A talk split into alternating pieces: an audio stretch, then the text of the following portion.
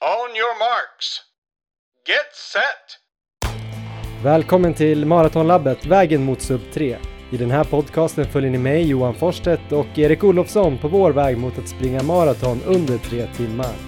I det här 21 avsnittet pratar vi om de bästa tipsen för att klara värmen under årets Stockholm Marathon.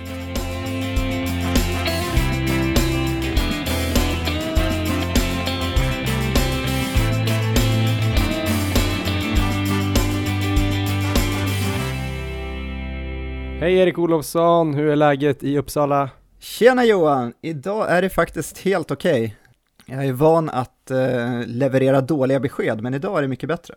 Ja, det låter ju väldigt spännande. Först tänkte jag bara att vi skulle välkomna alla lyssnare till Maratonlabbet avsnitt 21, där vi ju kommer prata en hel del om Stockholm Marathon som, eh, som går på lördag. Om ni lyssnar på det här när det släpps så är det alltså imorgon.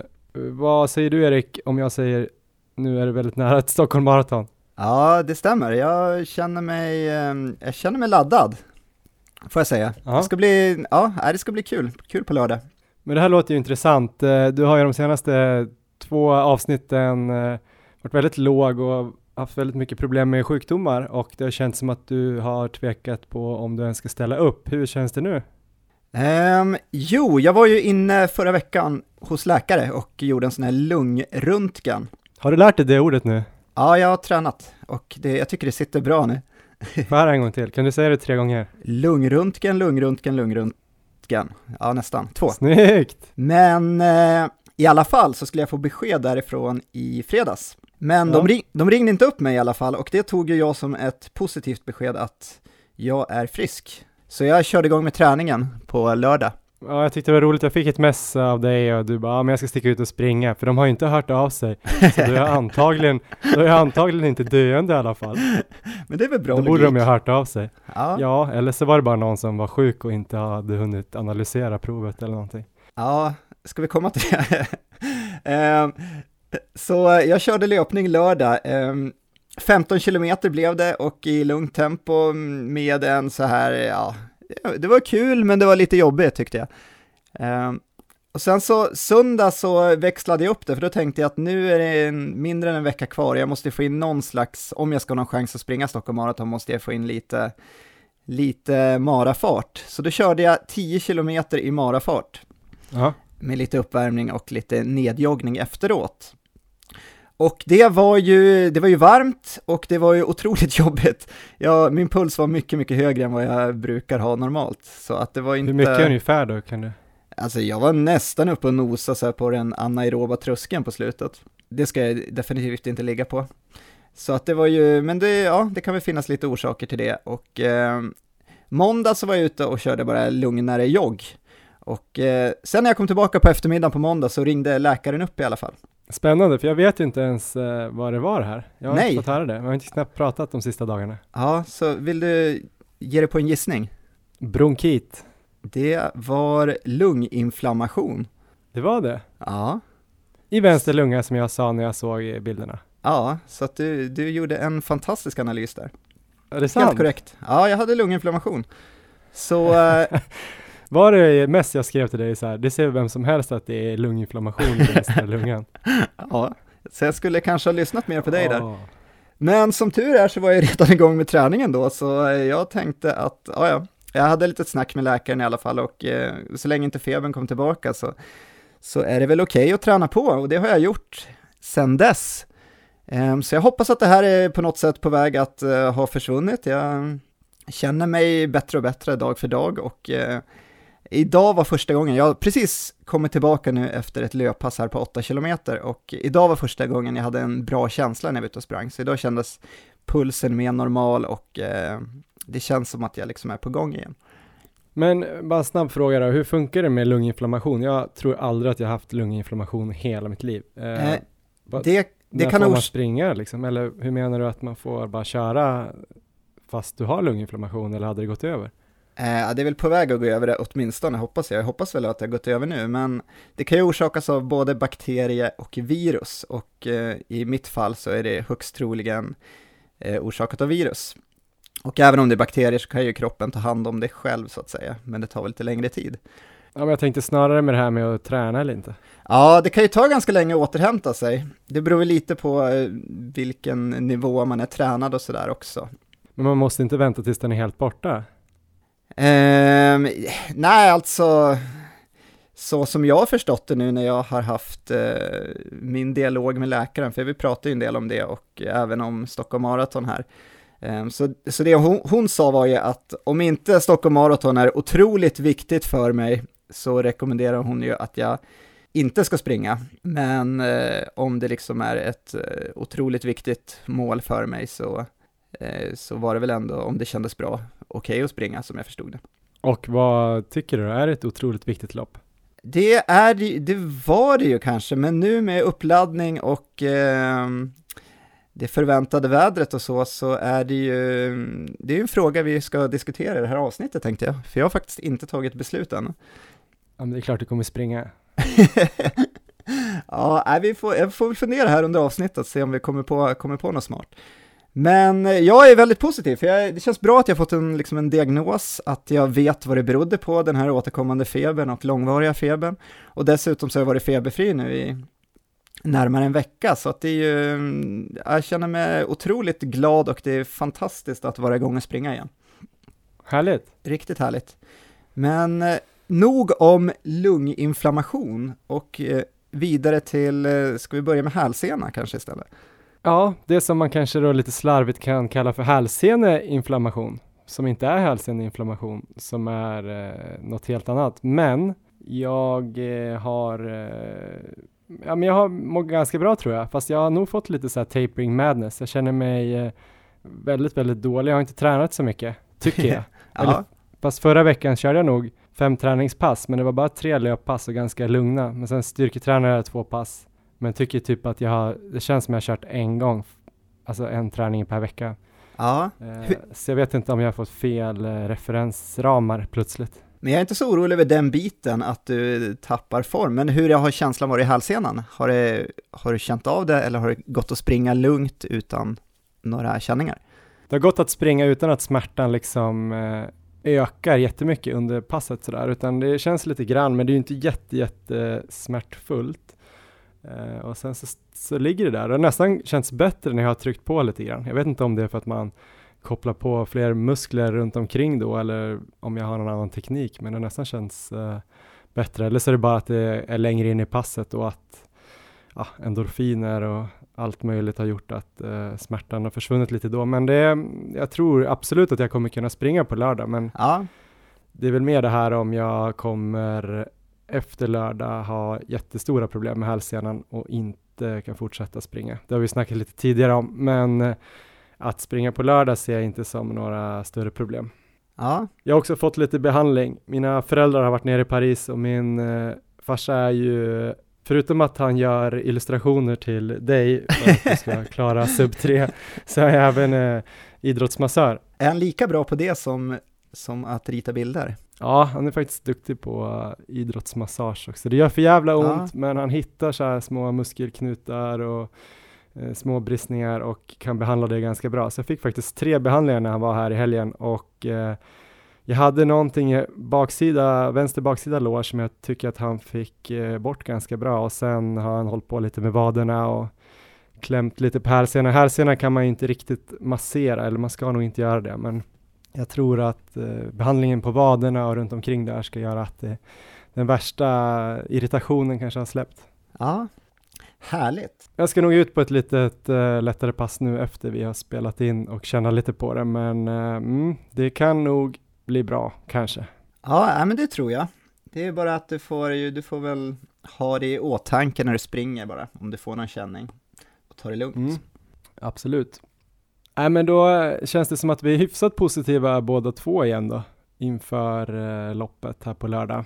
Verkligen, eh, absolut. Möjligen förutom det här lilla parentesen att det kommer vara ett av de varmaste Stockholm Marathon.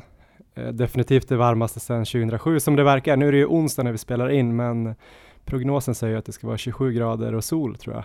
Ja. Eh, vi kommer ju prata massor om det eh, senare i programmet och även kanske prata lite om vad vi ska ha för målsättning i och med att vi har haft lite problem inför och att det är, kommer bli väldigt varmt.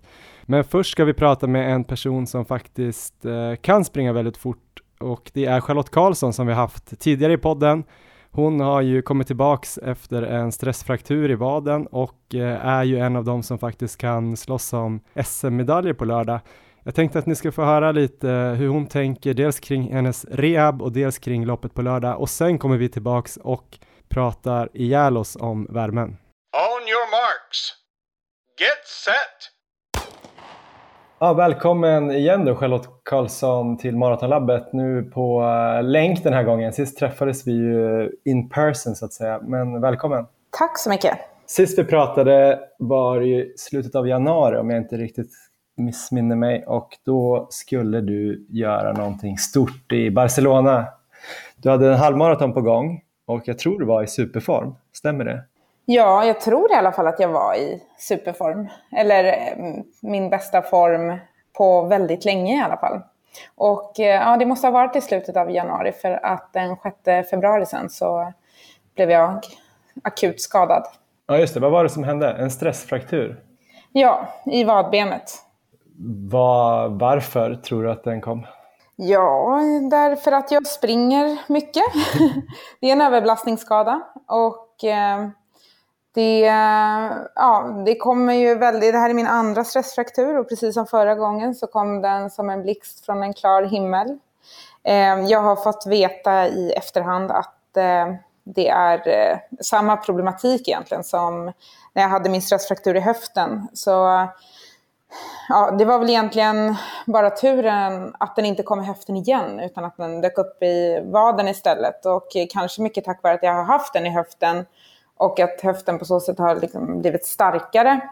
Mm. Och att eh, den lyckades stå emot den här gången, men då uppstod den istället ner i vadbenet. Så att den här gången jag, ska jag verkligen försöka att eh, få ordning på grundorsaken till att eh, det här uppstår helt enkelt. Och det handlar om att det är ett... Ja, jag har en svagare högerhöft än jag har en vänsterhöft helt enkelt. Hade du på något sätt kunnat märkt att den hade, var, var på väg att komma så att säga? Nej, det, verkligen inte. Jag har, det är min vänstra sida som har varit den som har krånglat mest senaste åren. Jag har aldrig känt någonting i höger sida och jag är väldigt så lyhörd. Speciellt efter min stressfraktur i höften på höger sida så har jag blivit otroligt duktig på att lyssna på kroppen och direkt dra i handbromsen när jag känner att någonting inte känns bra. Eh, och eh, nej, det var verkligen pang bara. Och jag kände direkt under det här träningspasset att eh, okej, okay, jag har fått ont och det här är ingen bra smärta. Det är verkligen dåligt. Så jag klev av direkt och eh, gjorde ingenting mer. Mm. De som har följt dig sedan dess på till exempel Instagram eh, har ju sett att du har gjort något typ av världsrekord i rehabträning. Det har varit otaliga pass på crosstrainer framför allt och även sådana här alter G mm va? när man springer eh, på löpband fast med en reducerad del av kroppsvikten. Det, förklara lite vad en alter G är, du som är expert. Ja, alltså man kan eh, lyfta av eh, upp till 80 procent av kroppsvikten med hjälp av någon form av så här, tryckluft. Man mm. kliver in som i en säck på löpbandet. Du, det, du står som på ett vanligt löpband, men du har en... Du drar på ett par speciella shorts som är som en liten kjolkant upp till som, du, som gör att du liksom isolerar allt ifrån midjan och neråt helt. Så att mm. från midjan och ner så är du i den här säcken och sen så blåser man in då tryckluft på något sätt. Jag kan inte exakt vad det är, men mm. det, känslan blir som att man blir tyngdlös och man liksom springer på månen. Ja, sen kan du då styra själv. Du har som vanligt eh, så reglage på löpandet. Du kan välja hastighet, du kan välja lutning på bandet, men sen har du ytterligare eh, ett mätinstrument och där du väljer då hur mycket kroppsvikt du vill springa med. Och det mm. har ju varit fantastiskt bra. Eh, för att då har jag ju kunnat eh, ja, men successivt trappa upp det här genom att lägga på mer och mer kroppsvikt. Just det. Men måste man ta det, du kanske först var tvungen att köra lite mer crosstrainer innan du ens kunde springa på AltiG, eller? För det verk, verkar det som det kom in efter ett tag, eller? Ja, alltså först hade jag, det tuffaste perioden var ju första veckorna när jag i princip inte kunde göra någonting för att jag hade så vansinnigt ont. Och jag gick ju på kryckor i fem veckor och då var det inte tal om att eh, stå på ett AlteG-band.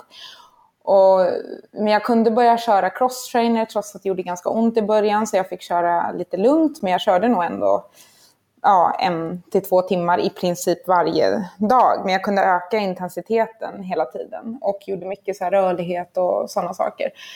Men sen efter exakt åtta veckor, då klev jag på AlterG-bandet för första gången. Och då var passet ganska kort och det var jag lyfte bort väldigt mycket kroppsvikt och det var mest bara för att få känslan att springa igen och det var helt fantastiskt. Och i kombination med det så fick jag några dagar senare också springa på ett vanligt löpande eller om jag sprang utomhus, jag kommer inte ihåg, men då fick jag springa totalt fem minuter. Med, jag sprang en minut i taget, totalt fem minuter.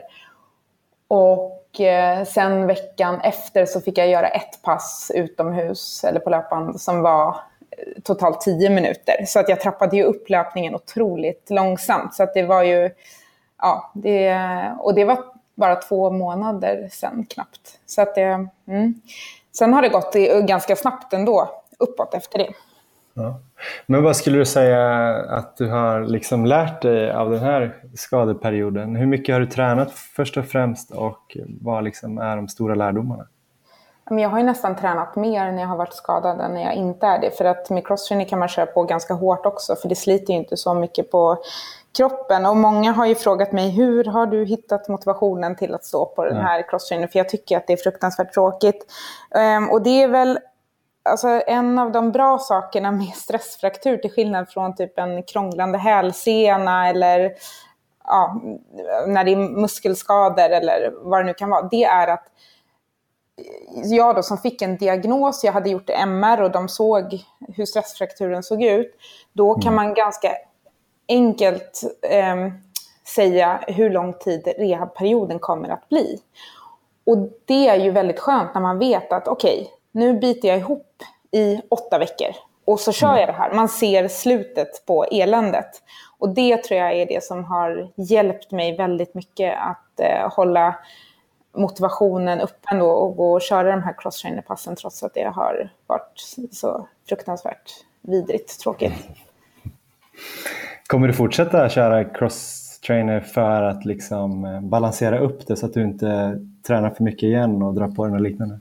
Jag vill ju säga ja på den frågan.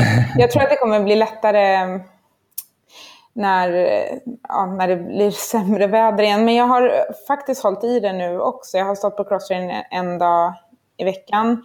Och jag kommer också försöka hålla i AltiG-löpningen och köra den en dag i veckan. Mm. Ja, men nu har man i alla fall sett att du har börjat springa här på sistone och börjat till och med göra resultat igen. Du sprang 35-24 på ett millopp i Wien här i helgen som du vann.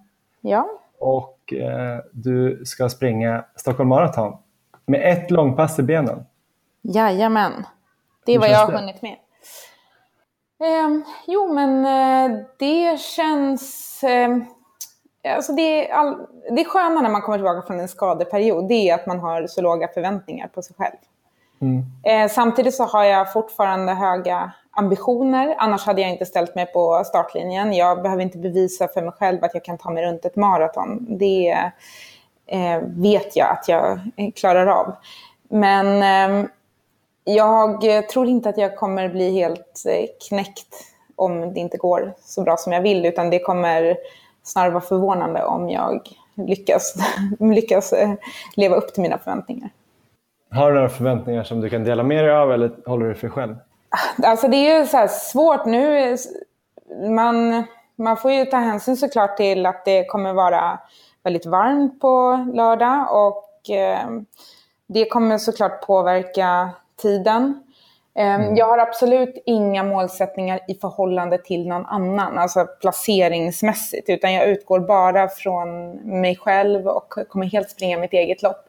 Men jag tror att mitt personbästa på Stockholm Marathon är någonstans 2.45 eller något sånt.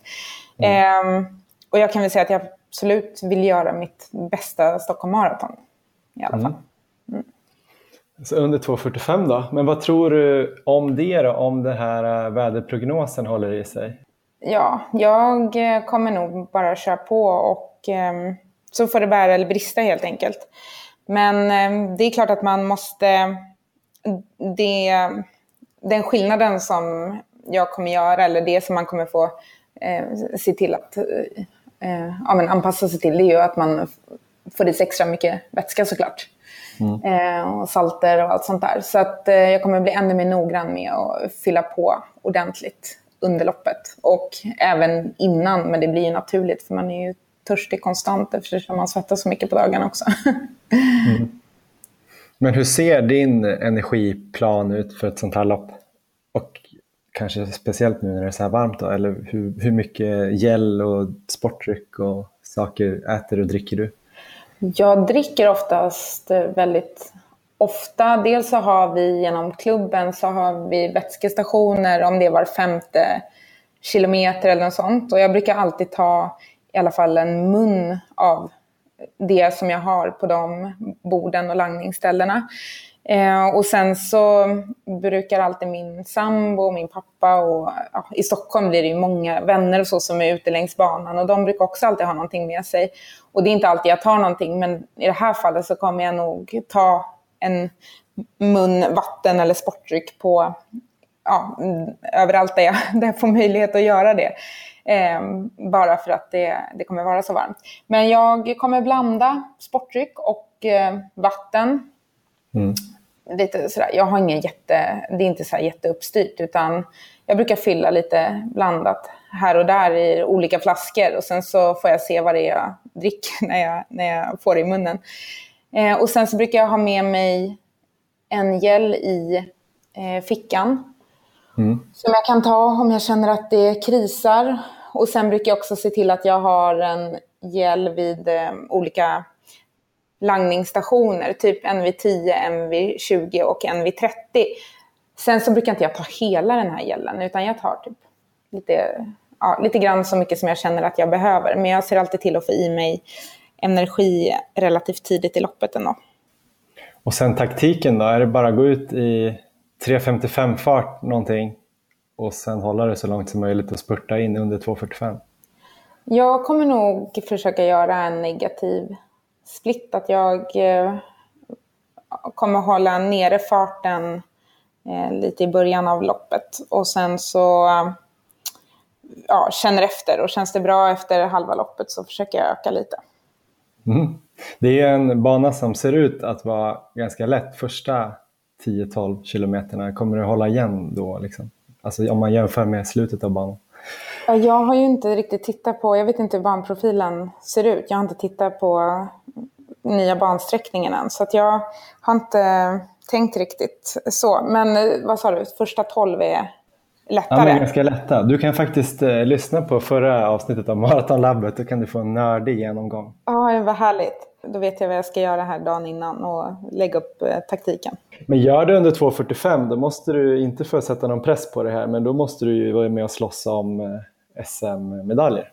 Ja, det har jag eventuellt en chans till. Sen vet man aldrig. Det är ju mycket möjligt att det är tre svenskor som springer under 2.40 tittar man senaste året så är det ju många tjejer som har sprungit väldigt bra. Så att, eh, men absolut, jag har ju tagit SM-guld på 2.48 för eh, sex år sedan. Så att, eh, det vet jag absolut att man kan ha möjlighet till SM-medaljer då. Men det är ingenting jag eh, fokuserar på. Sen är det självklart så att under själva loppet vet man att man ligger placeringsmässigt bra till och det är halva loppet kvar och man ja, har lite...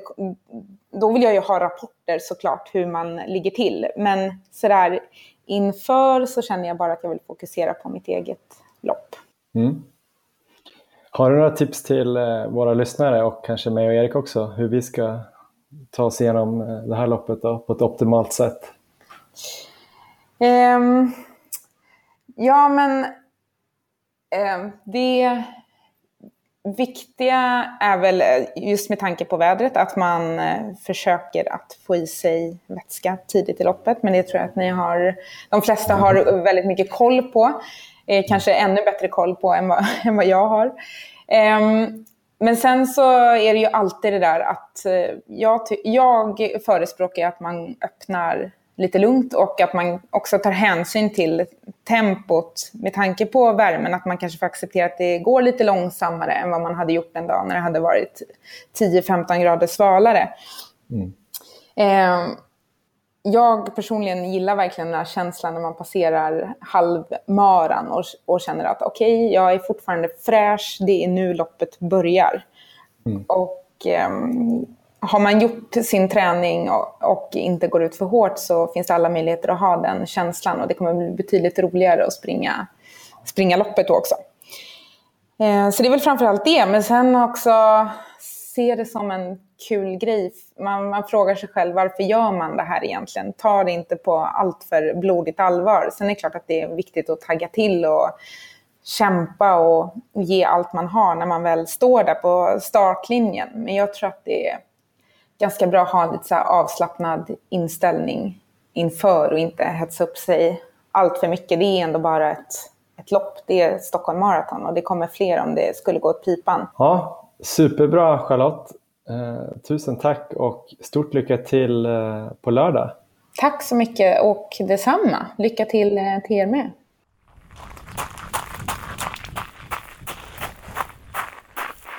Ja men det där var alltså Charlotte Karlsson som ju gör en intressant start på lördag eller imorgon. Eh, vad tänkte du framförallt när du hörde den här intervjun Erik?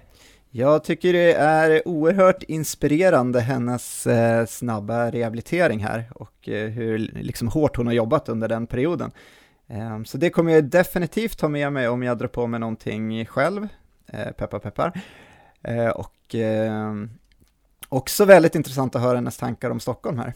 Ja men det var intressant, framförallt tyckte jag just det med Stockholm att hon ändå tänker att hon ska försöka eh, persa på Stockholm Marathon, alltså sitt, sitt eget rekord på Stockholm Marathon som var under 2.45 någonstans. Eh, mm, trots att hon vet om att det ska bli sådär varmt, vad tror du spontant om det Erik? Uh, jag gillar inställningen. Jag... så jag, det är så jag vill tänka. Så det, ja, jag, jag, tycker, jag tycker det är härligt, positivt. Ja, absolut. Och vi ska ju verkligen inte klanka ner på inställningen eller säga att hon inte har chans att gå under 2.45, för det tror vi absolut med tanke på hur talangfull hon är och sådär. Men verkligen. annars så har man ju, eller jag har i alla fall kollat ganska mycket och läst ganska mycket om hur värmen påverkar eh, löpresultaten de här sista dagarna efter man har sett hur prognosen har sett ut och man har känt själv när man varit ute och sprungit att eh, gå lite tyngre på samma puls egentligen. Ja. Och det beror väl framförallt på, jag är ingen läkare och det är inte du heller Erik. jag är ingen läkare även om jag då kan se lunginflammation på röntgenplåtar. Men som jag fattar i alla fall så kroppen, eh, när det blir så här varmt ute så måste ju kroppen kyla ner sig så att vi inte dör. Och det tar en massa energi. Eh, mycket av blodet går ut i huden för att avge värme istället för att gå till musklerna och ge syre till dem, så då måste man eh, pumpa ut ännu mer blod och då höjs ju pulsen och man blir tröttare och sådär. Det tror jag är förenklat anledningen varför man presterar sämre när det är varmt. Och eh, har du någon koll Erik på hur mycket i procent som man tappar eh, när det blir så här varmt? Eh, nej, det har jag inte. Har du någonting att eh, berätta för mig där? Jag har läst ganska många artiklar och jag har hittat att många artiklar refererar till en studie där de har testat, eh, de har kollat olika resultat i olika maraton i USA och kollat det mot väder och sådär. Eh, kortfattat kan man väl säga att eh, ju bättre man är, alltså ju mer elitlöpare man är, så desto mindre procentuellt tappar man per, de har delat upp det i fem graders intervaller ja. och de har väl sagt att någonstans mellan fem och tio grader är optimala. Men bara man kommer upp eh, fem grader då så försämras prestationen ganska mycket, men som sagt springer man runt 2.05 då tappar man mindre, även i procent, än vad man gör om man kanske springer runt eh, sub 3 eller runt 3 som vi Just vill det. göra på sikt. Men eh, vi kan ju ta ett exempel från den analysen är att om det var alltså 25 grader istället för 15 grader, då tappar man ungefär, om man är en tre timmars löpare, 6 procent Aj då. på de 10 graderna. Så det är ju om man då tar 180 minuter gånger 1,06 så får man ju fram att det är eh, nästan 10 minuter. Ja. eh, sämre tid bara av att det är då 10 grader varmare. Och det här blir ju ännu värre och värre då ju långsammare man är för att man är ute längre tid och antagligen är man sämre på att hantera eller kyla ner sig själv. Det är därför eliten är så bra. De är vana att springa, de är, har bättre nedkylningssystem och de är helt, helt, helt enkelt mer effektiv totalt sett. Ja. Men det är väl någonstans där man kan tänka sig att det kan ligga då. Ja. 10 minuter är inte helt omöjligt. Det kan nog gå upp till 20 minuter eh, sämre tid än vad det skulle varit en riktigt bra dag runt 10, 11, 12 grader. Man kanske kan klara sig på en mindre tidsförlust om man sköter sig väldigt bra. Och där har jag fått för mig att du faktiskt har tittat lite grann på vad man skulle kunna göra då för att eh, springa bättre egentligen under värme. Precis, um, för idag återkommer vi till våra topp 5-listor nämligen. Aha. Dagens topp 5 Johan blir topp 5 tips för att springa maraton i varmt väder. Spännande. Och nummer fem är ett ganska givet tips, men eh, det kan ju vara bra att nämna i alla fall, och det är att välja ljusa kläder som reflekterar värme och inte mörka kläder som drar åt sig värme. Vi har ju ett bra exempel här med vårat, eh, som tur är så är ju Maratonlabbets tävlingslinne vita, så där har vi lyckats. Mm. Men äh, ärligt talat, då, hur mycket spelar det roll? Då? Vet du det ungefär eller? Um, det kom, jag läste en väldigt intressant studie igår, jag tror det var på maraton.se, där de hade gjort tester med vita linnen, jag tror det var linnen, gentemot svarta och dessutom haft så funktionsmaterial gentemot bomull. Mm. Och det var, nu har jag inte siffrorna framför mig, men det finns att titta på maraton.se och det var definitivt eh, blev det ganska stora skillnader i, i puls helt enkelt för folk som jobbade i varma förhållanden under samma, samma fart. Um, så att det var definitivt en skillnad både i färg och material där. Det känns som en enkel sak, däremot känns det som lite jobbigt för mig, för eftersom jag ska springa uh, för fyran så tänkte jag så här, ja, men kanske lite roligt att springa i uh, typ ett TV4-linne, och det finns ju inte, så då tänkte jag, ja men jag skickar in någon så här tryckförfrågan till något företag. Så jag har precis uh, fått meddelande om att jag har två svarta linnen med TV4-logga på som ligger och väntar på mig på posten i Stockholm.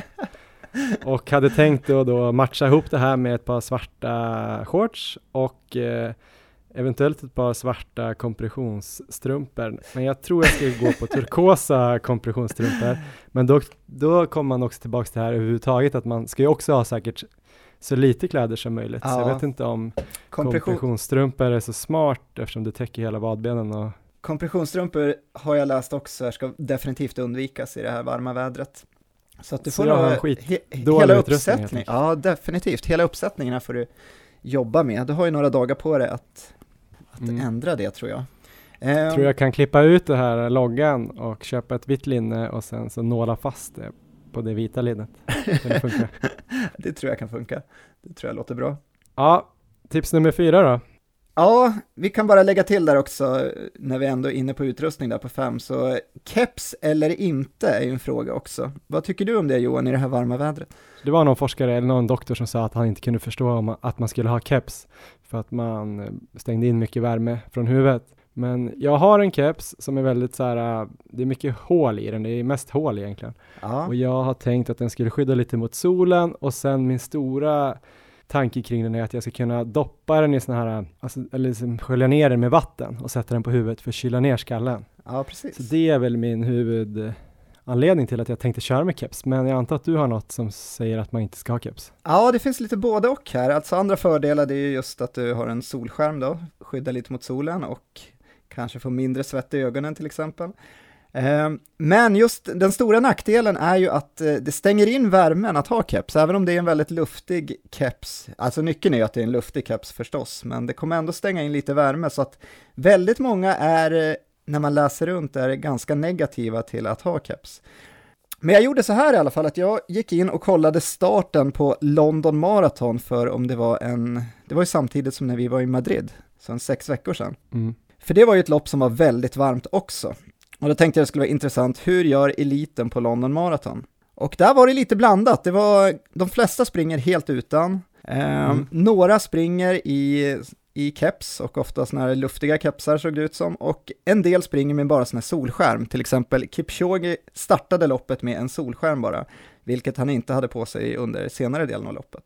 Så att eh, det verkar även där bland eliten vara lite så här blandat, så att jag antar att man helt enkelt får, får göra det man liksom känner är bäst själv och eh, vad man är van vid. Men springer man med keps, se till att det är en väldigt luftig typ av löparkeps eller solskärm. Propellerkeps då? propellerkeps så, så är det, då funkar det alltid. Okej. Okay. Tips nummer fyra då? Ja, och då kan vi gå in lite mer på vätska och elektrolyter. Och det är ju väldigt viktigt då förstås att fylla på både innan och under loppet. Eh, men när det gäller vätskan då så, så kan man ju både dricka för mycket och för lite. Så att eh, när jag har kollat runt lite så är det många som säger att man ska kolla färgen på urinet. Så det kan man ju roa sig mm. med sista dagen, dagarna inför maraton, att, eh, att kolla så att det inte är för mörk färg, för då har man ju druckit för lite förstås.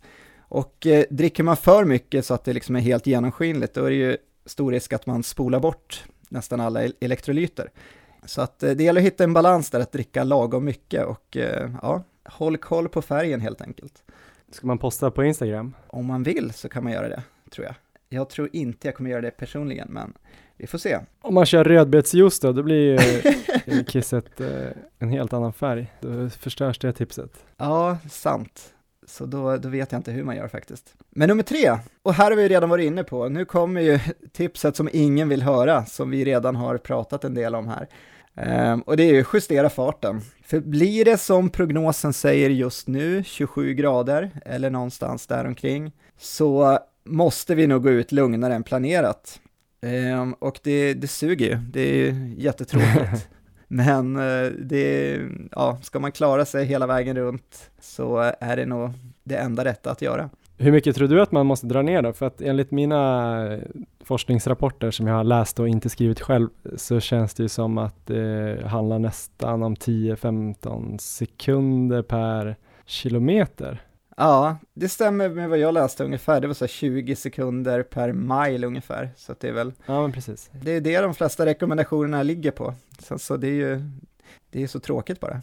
Men jag fick faktiskt känna på det där eh, nu i veckan, för jag skulle göra ett MAF-test, eh, ja. pratade vi om eh, senaste avsnittet, och jag gjorde det i fredags här i Paris, samma, exakt samma ställe, samma upplägg eh, som jag gjort de två tidigare, jag gjorde ett i januari och ett i mars, och ja, men kände mig ganska självsäker på att jag skulle ha ökat ännu mer då. Att jag skulle springa då på en puls som var genomsnitt 147, för det gjorde jag första gången i januari där. Ja. Och eh, springa i 40 minuter och se hur långt jag kom helt enkelt. Och i januari så sprang jag tror jag 8,7 kilometer och i mars hade jag ökat det till 8,87 och det yeah. märkte jag också att eh, farten sjönk inte lika mycket mot slutet av de här 40 minuterna.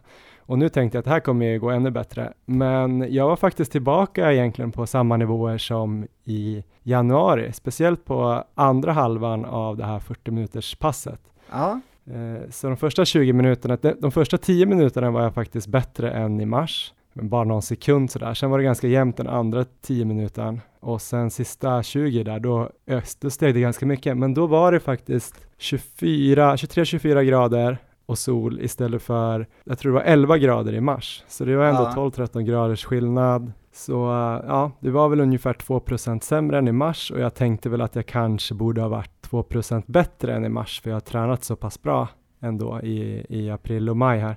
Så ja. mm, där har man väl någonting att det kan vara 3-4 procent åtminstone och det var ju bara på 40 minuter. Precis. Antar att det kommer, bli, eller det kommer ju bli sämre och sämre på ett maraton. Så, så där har man ju en hint av vad som kommer hända. Intressant. Vi kör eh, tips nummer två.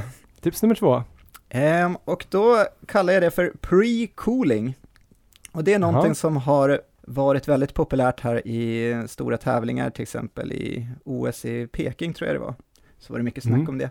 Det handlar om att sänka båltemperaturen något innan start och det har visat sig i många undersökningar ge en väldigt positiv effekt. Um, och då finns det sådana här, för eliten då, de har sådana här cooling vests som de sätter på sig, som kyler ner dem. Um, men det är inte alla som har tillgång till sådana.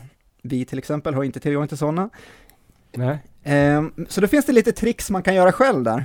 som jag har läst om. Till exempel så kan man frysa ner kanske en flaska sportdryck på eh, kvällen innan.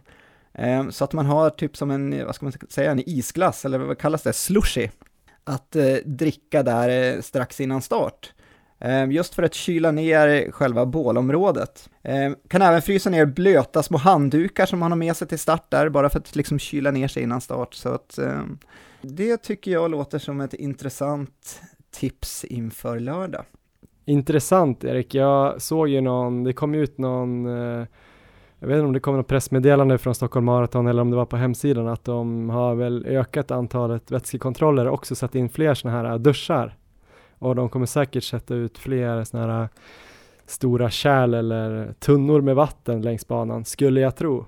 Eh, och då tror jag också att ett tips är ju att eh, ja, men försöka hälla vatten på sig, springa igenom de här duscharna och om man har keps så blöter man kepsen, sätter på den på huvudet och sådär. För jag har också läst att man skulle kunna ha is i händerna och liksom i handlederna är ett annat tips ju att, att blodet där då blir nedkylt och, och skickar runt det i, i kroppen i systemet. Så att ja, försöka hjälpa kroppen att kyla ner sig är säkert ett bra beslut oavsett om det är innan eller under loppet. Och utnyttja alla de här duscharna som finns längs vägen som man kanske ibland undviker annars, men när det är så pass varmt så är det nog bara att springa igenom. Ta alla chanser att liksom kyla ner sig under loppet.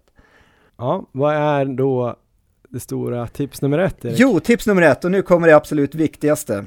Är det det här tipset som de hade i Aftonbladet igår? Berätta. Spring inte loppet.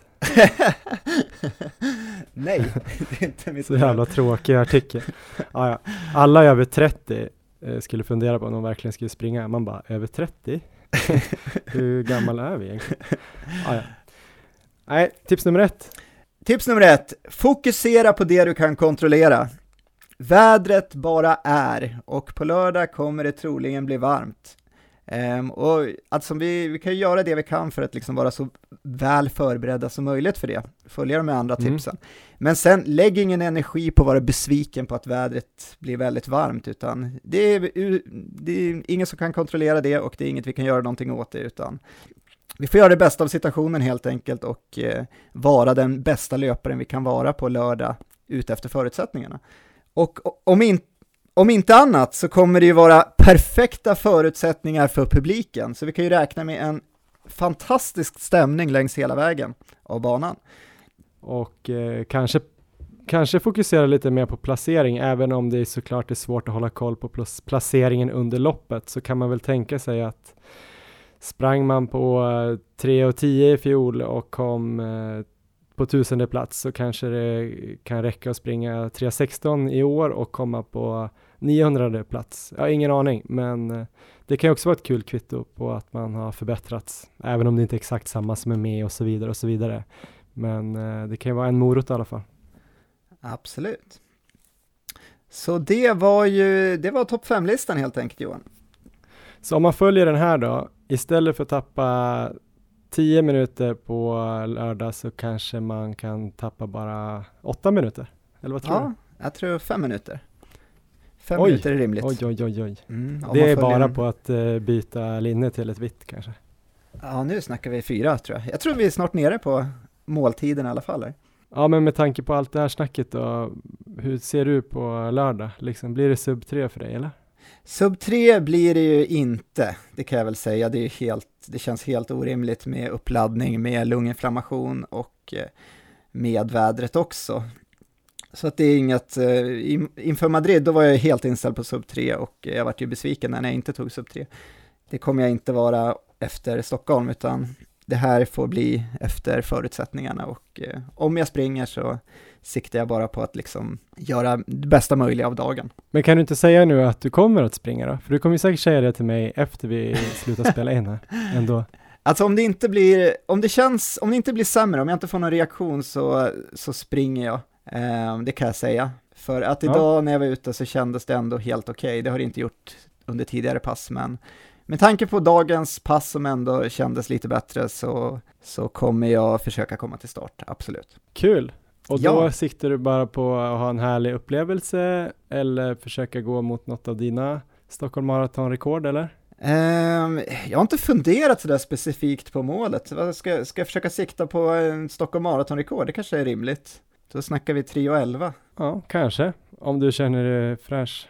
Innan det här vädret, då hade jag lite tanke att jag skulle göra någon slags kamikaze-maraton. Att jag bara Mm. skulle gå för sub 3 så länge det höll och sen så bara köra så länge det går. Men det känns väl bara på något sätt dumt att göra det om det är 25-27 grader någonstans. Eller vad tycker du? Ja, egentligen tycker jag ju det, men eftersom det vore roligt att se dig göra det så skulle jag väl kunna säga att du borde testa att göra det. Sen är jag ju samtidigt lite orolig för din hälsa och jag vill liksom inte jag vill inte liksom hetsa dig till att göra någonting som du kommer må dåligt av, alltså riktigt dåligt, utan, eh, men det vore ju kul såklart att se, men jag känner också att det kanske är lite dumt för att det blir liksom att du kanske, jag vet inte, om du gör 23 kilometer då och sen så är det för varmt. Hur Ja. kul är det liksom? Men själv då Johan? För dina mål har ju du varit lite så här diffus med. Vad kommer du sikta på? väldigt diffust kring Stockholm Marathon eftersom jag ska springa nu då som, som löpande reporter för TV4. Och då har ju den grejen varit lite så här, hmm, ja men då kanske jag måste lägga på några minuter, jag kan ju inte göra sub 3 liksom, för det har jag inga marginaler till. Sen har jag börjat tänka på om jag ska försöka slå eh, mitt pers på Stockholm som är 3.13.30, eh, eller alltså gå under 3.10 kanske. Ja, Men eh, nu kom det här med värmen och då började jag fundera liksom, jaha, vad ska man göra då? då? Man vill liksom inte få solsting i tv egentligen. Eller det spelar väl ingen roll, man vill inte ha det oavsett. Men eh, då började jag, vet inte, jag vacklar väldigt mycket. Nu börjar jag nästan bara tänka så här, ja, jag snackade lite med Emma igår och då tänkte jag, ja men kanske 3.20 är någon rimlig tid. Eh, med tanke på förutsättningarna. Eller att kanske göra första halvan på 1.40 i alla fall ja. och se om det går att skruva upp farten efter det eh, beroende på lite hur man mår och sådär. Dessutom ser jag som den stora, stora grejen just nu är ju att eh, testa lite så här eh, nutritionsplan eller energiintag under loppet och innan loppet. Spännande. För det tror jag att jag kommer kunna ha väldigt stor nytta av framöver här mot Frankfurt. Så jag har en liten energiplan som jag inte vet om vi ska orka dra igenom nu, men eh, jag har dubbelkollat den både med Linda Backman som är SOKs eh, nutritionist och han eh, Simon Gustafsson som vi hade om kramp här för några veckor sedan. Ja, Så jag tror att den kan vara bra för många. Att det som ett tillägg till din värmetips här så tror jag att man kan tjäna ganska många minuter. berätta. Det första tänkte jag bara säga, jag, för nu är ju loppet klockan 12 istället för 9 som i Madrid, så då frågade jag Linda Backman om man fortfarande skulle käka sista stora målet vid lunch dagen Ja. innan, för det rådde hon just till då. Nu sa hon att det var okej att äta en tidig middag på fredagen, fem, sex, eh, och sen ett litet lätt mål vid 21 innan man går och lägger sig. Och sen då som vanligt då frukost såklart kanske då tre timmar innan, tre, fyra timmar innan, vad som passar. Ja, Så det sa hon. Sen har jag eh, gjort en egen kostplan. Jag har säkert lyssnat på tre, fyra poddar och läst en massa artiklar. Men det jag har kommit fram till nu är att Oj, där rök hela min kost, kostplan ner på, på backen här. Men det jag har kommit fram till är att eh, runt 60 gram kolhydrat eh, per timme ja, 30 till 60 gram sa ju Linda Backman, eh, men att vi kanske skulle röra oss upp mot 60. Den här Simon på eh, Prestera Mera och eh, Umara, han, han, de är inne på att man ska få upp in mot 90 gram kolhydrat per timme. ja, Men eh, det ska man gärna testat innan och det har inte jag. Så jag tänker gå mot 60 gram eh, kolhydrater per timme under loppet. Och det ska man ju alltså börja med direkt från start liksom. Och det snackar inte du riktigt om, men vätska under loppet ska ju vara ungefär 6 till 8 deciliter per timme. ja, Eh, eliten brukar kunna få i sig mer för de är vana och deras kropp kan ta upp ännu mer vätska. Men vi där bak som inte är riktigt lika skillade brukar kunna få problem med magen om man dricker för mycket. Men då rekommenderar de att dricka all, all vätska som sportdryck faktiskt. Jaha, okej. Mm. Ja, men många tror att eh, man får dålig, kan få dålig mage av just sportdrycker, men ofta blir det nästan värre med vatten, för det tas inte upp lika effektivt när det bara är vatten. Plus att man då förlorar lite de här, som du pratar om, med salter och elektrolyter. Vad tror du om mig då som inte är van att dricka sportdryck? Jag, har, jag brukar inte dricka det för att jag har erfarenheter av att ha blivit lite illamående. Vad tror du då? Jag vill heller inte rekommendera någon att så här, ah, drick 8 deciliter sportdryck i timmen och så kajkar magen ihop totalt för att ni inte är van vid den sportdrycken. Eh, då kommer jag ju känna mig dum. Men jag är lite i samma läge, jag har inte heller testat det. Men jag känner ja. så här, okej, okay, antingen gör jag det ja. och så kanske magen kajkar ihop. Eller så gör jag det inte, då kommer jag ändå kajka ihop för att jag får i mig för lite. Jag tror inte att, att vatten är, det är om man dricker bara vatten och trycker i sig en massa gel eller bananer eller någonting som man eh, är van vid. Om du får i dig 7,5 deciliter sportdryck i timmen, då är det ungefär 40 gram kolhydrat. Ja. Så då om du lägger till en gel per timme, då har du 60-65 gram kolhydrat. Det är vad du kommer behöva för att kunna prestera. Lite mer är antagligen bättre om inte du mår dåligt av det. Mindre kanske kan vara bra för att du riskerar att må sämre av att du får i dig så mycket kolhydrat, men du kommer antagligen prestera sämre. Det du kan göra är också att ta kanske tre gel och sen bara dricka vatten varje timme, men då måste du ha med en massa gel och så. Ja. Vill du höra min kostplan Johan? Ja, you can. Ja, precis. Jag kommer nu att testa Generation You Can för första gången i lopp Tyvärr har inte jag haft några långpass här med tanke på min lunginflammation, så att jag har inte kunnat testa det riktigt på träning. Jag har testat det på mina kortare pass, och det är mest bara för att liksom se att magen reagerar okej okay på det, och där har jag inte haft några problem. Det är ju, i princip fungerar det så att man, eh, man gör en shake helt enkelt, så man dricker en halvtimme till en timme innan man ger sig ut. Och sen mm. så så får man ut kolhydrater helt enkelt i blodet eh, under upp till tre timmar kanske ungefär eh, som sakta då släpps ut. Och eh, jag, jag, kan väl inte säga direkt att eh, det har gett någon effekt på de här kortare Nej. passen, det är lite svårt att säga helt enkelt. Så att det, jag ska i alla fall testa och ta det här på Stockholm Marathon, så jag kommer ta en sån här shake Mm. en halvtimme innan start och sen så kommer jag ha en egengjord gel av den här U-canon som jag kan ta eh, under sista milen. Mellan där då? Mellan där så ska jag inte egentligen bara fylla på med vätska i tanken och kanske lite extra elektrolyter då. Men hur mycket sipprar ut eller vad man ska säga av den här Generation You Can under loppet? Hur mycket kolhydrater är det? Ja, men per, per skopa så ska det vara 90 gram. Um, så uh, jag kommer ta två skopor innan start helt enkelt och uh, det ska väl, ska väl räcka kanske, och sen så får man ta en gel på slutet helt enkelt med... Ja, men då är ju det 180 gram kolhydrater om det stämmer med skopmängden ja. där. Och om det då, då är det ju delat i tre är det ju 60 gram per timme då. Precis. Sen om du håller på lite längre än tre timmar så kan du ju ha med den där gelen och trycka i den och då är det väl mer att du ska få i dig vätska egentligen. Ja, så att det...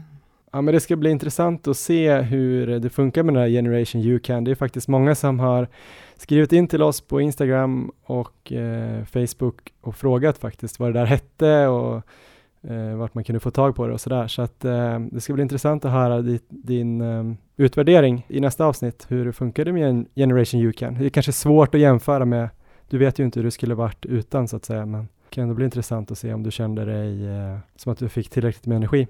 Ja, absolut det kan jag också bara tillägga lite snabbt nu när jag ändå har gjort den här kostplanen, att det man kan göra inför loppet är ju också att ta rödbetsjuice två till tre timmar innan, om man också då är van vid det.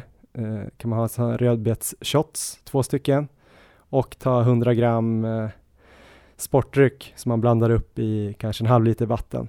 Och sen kan man också ta koffeintabletter 30 till 45 minuter innan, typ 250 milligram rekommenderas. Och sen kanske en kvart innan kan du faktiskt ta en gel eller 30 minuter för att bara börja redan då och fylla på. Och det här är någonting som jag liksom aldrig har fattat förut tror jag. Jag har tyckt att jag har fått i mig bra under typ Lidingö-loppet och ja. sådär. Men jag har aldrig börjat med kolhydrater direkt från start egentligen, utan jag har nog ja, druckit vatten kanske halva loppet och sen har jag kanske tryckt någon gel och börjat med lite sportdryck och tagit någon banan se sent i loppet, men då är det antagligen eh, för sent. Verkligen, mycket spännande. Men säg en tid då, jag ska försöka sikta på det Erik, du som vill spänna bågen åt mig. Du ska ta pers på maran. Det har vi det, 3 och 13. Ja, vad fan, jag tror inte att det funkar tror jag. Jag tror att dö. Nej, men det, jag, tycker det är ett, jag tycker det är ett rimligt mål för dig. Då tror jag också att vi kommer springa en del tillsammans kanske under vägen, så att det tror jag blir trevligt. Ja, men vi får väl se om det är ett rimligt mål för mig. Jag får helt enkelt sova på saken fram till lördag. Eller jag kan inte sova hela tiden, jag måste träna lite också och äta koffeinpiller. Men var det något mer vi skulle snacka om idag Erik? Um, det sista jag har eh, som jag ska prova i Stockholm är ju att, eh, ja i Madrid, du var ju på mig mycket för att du tyckte jag sprang i badshorts. Just det. Vilket jag egentligen inte tycker var badshorts, men de var kanske lite stora.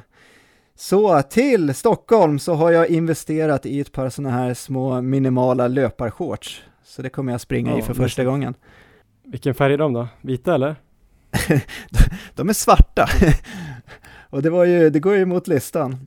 Men de är så minimala så de kommer inte ta upp något solljus ändå. Kanske. Jag tror, jag tror de kommer funka ändå, hoppas jag på. De har funkat bra här på träning i alla fall. Kul! Eh, alla som har följt oss på Instagram på Maratonlabbet kan ju gå in och kolla där på Eriks eh, gamla orangea badshorts som han har sprungit med. ba bara där hade han ju fem minuter tror jag på Madrid. Det var ju där han brände sub 3. Kan vara så. Ni kan också kolla där tror jag för att vi funderar på om vi ska vara kanske vid starten eller vid Östermalms IP redan klockan 10 på lördag och eh, ja, vi snackar med varandra värma upp lite grann. Men eh, om det är någon som tycker att det vore kul att komma dit och säga hej av er som lyssnar så tycker vi att det skulle vara väldigt kul. Så ni kan ju hålla utkik lite på uh, Maratonlabbets Instagram så lägger vi upp någon tid och plats när vi kommer vara på IP på lördag för att ja, snacka lite skit inför loppet och uh, lugna nerverna. Absolut. Men uh, vi hörs framöver Erik. Det gör vi, ladda för, ladda för lördag.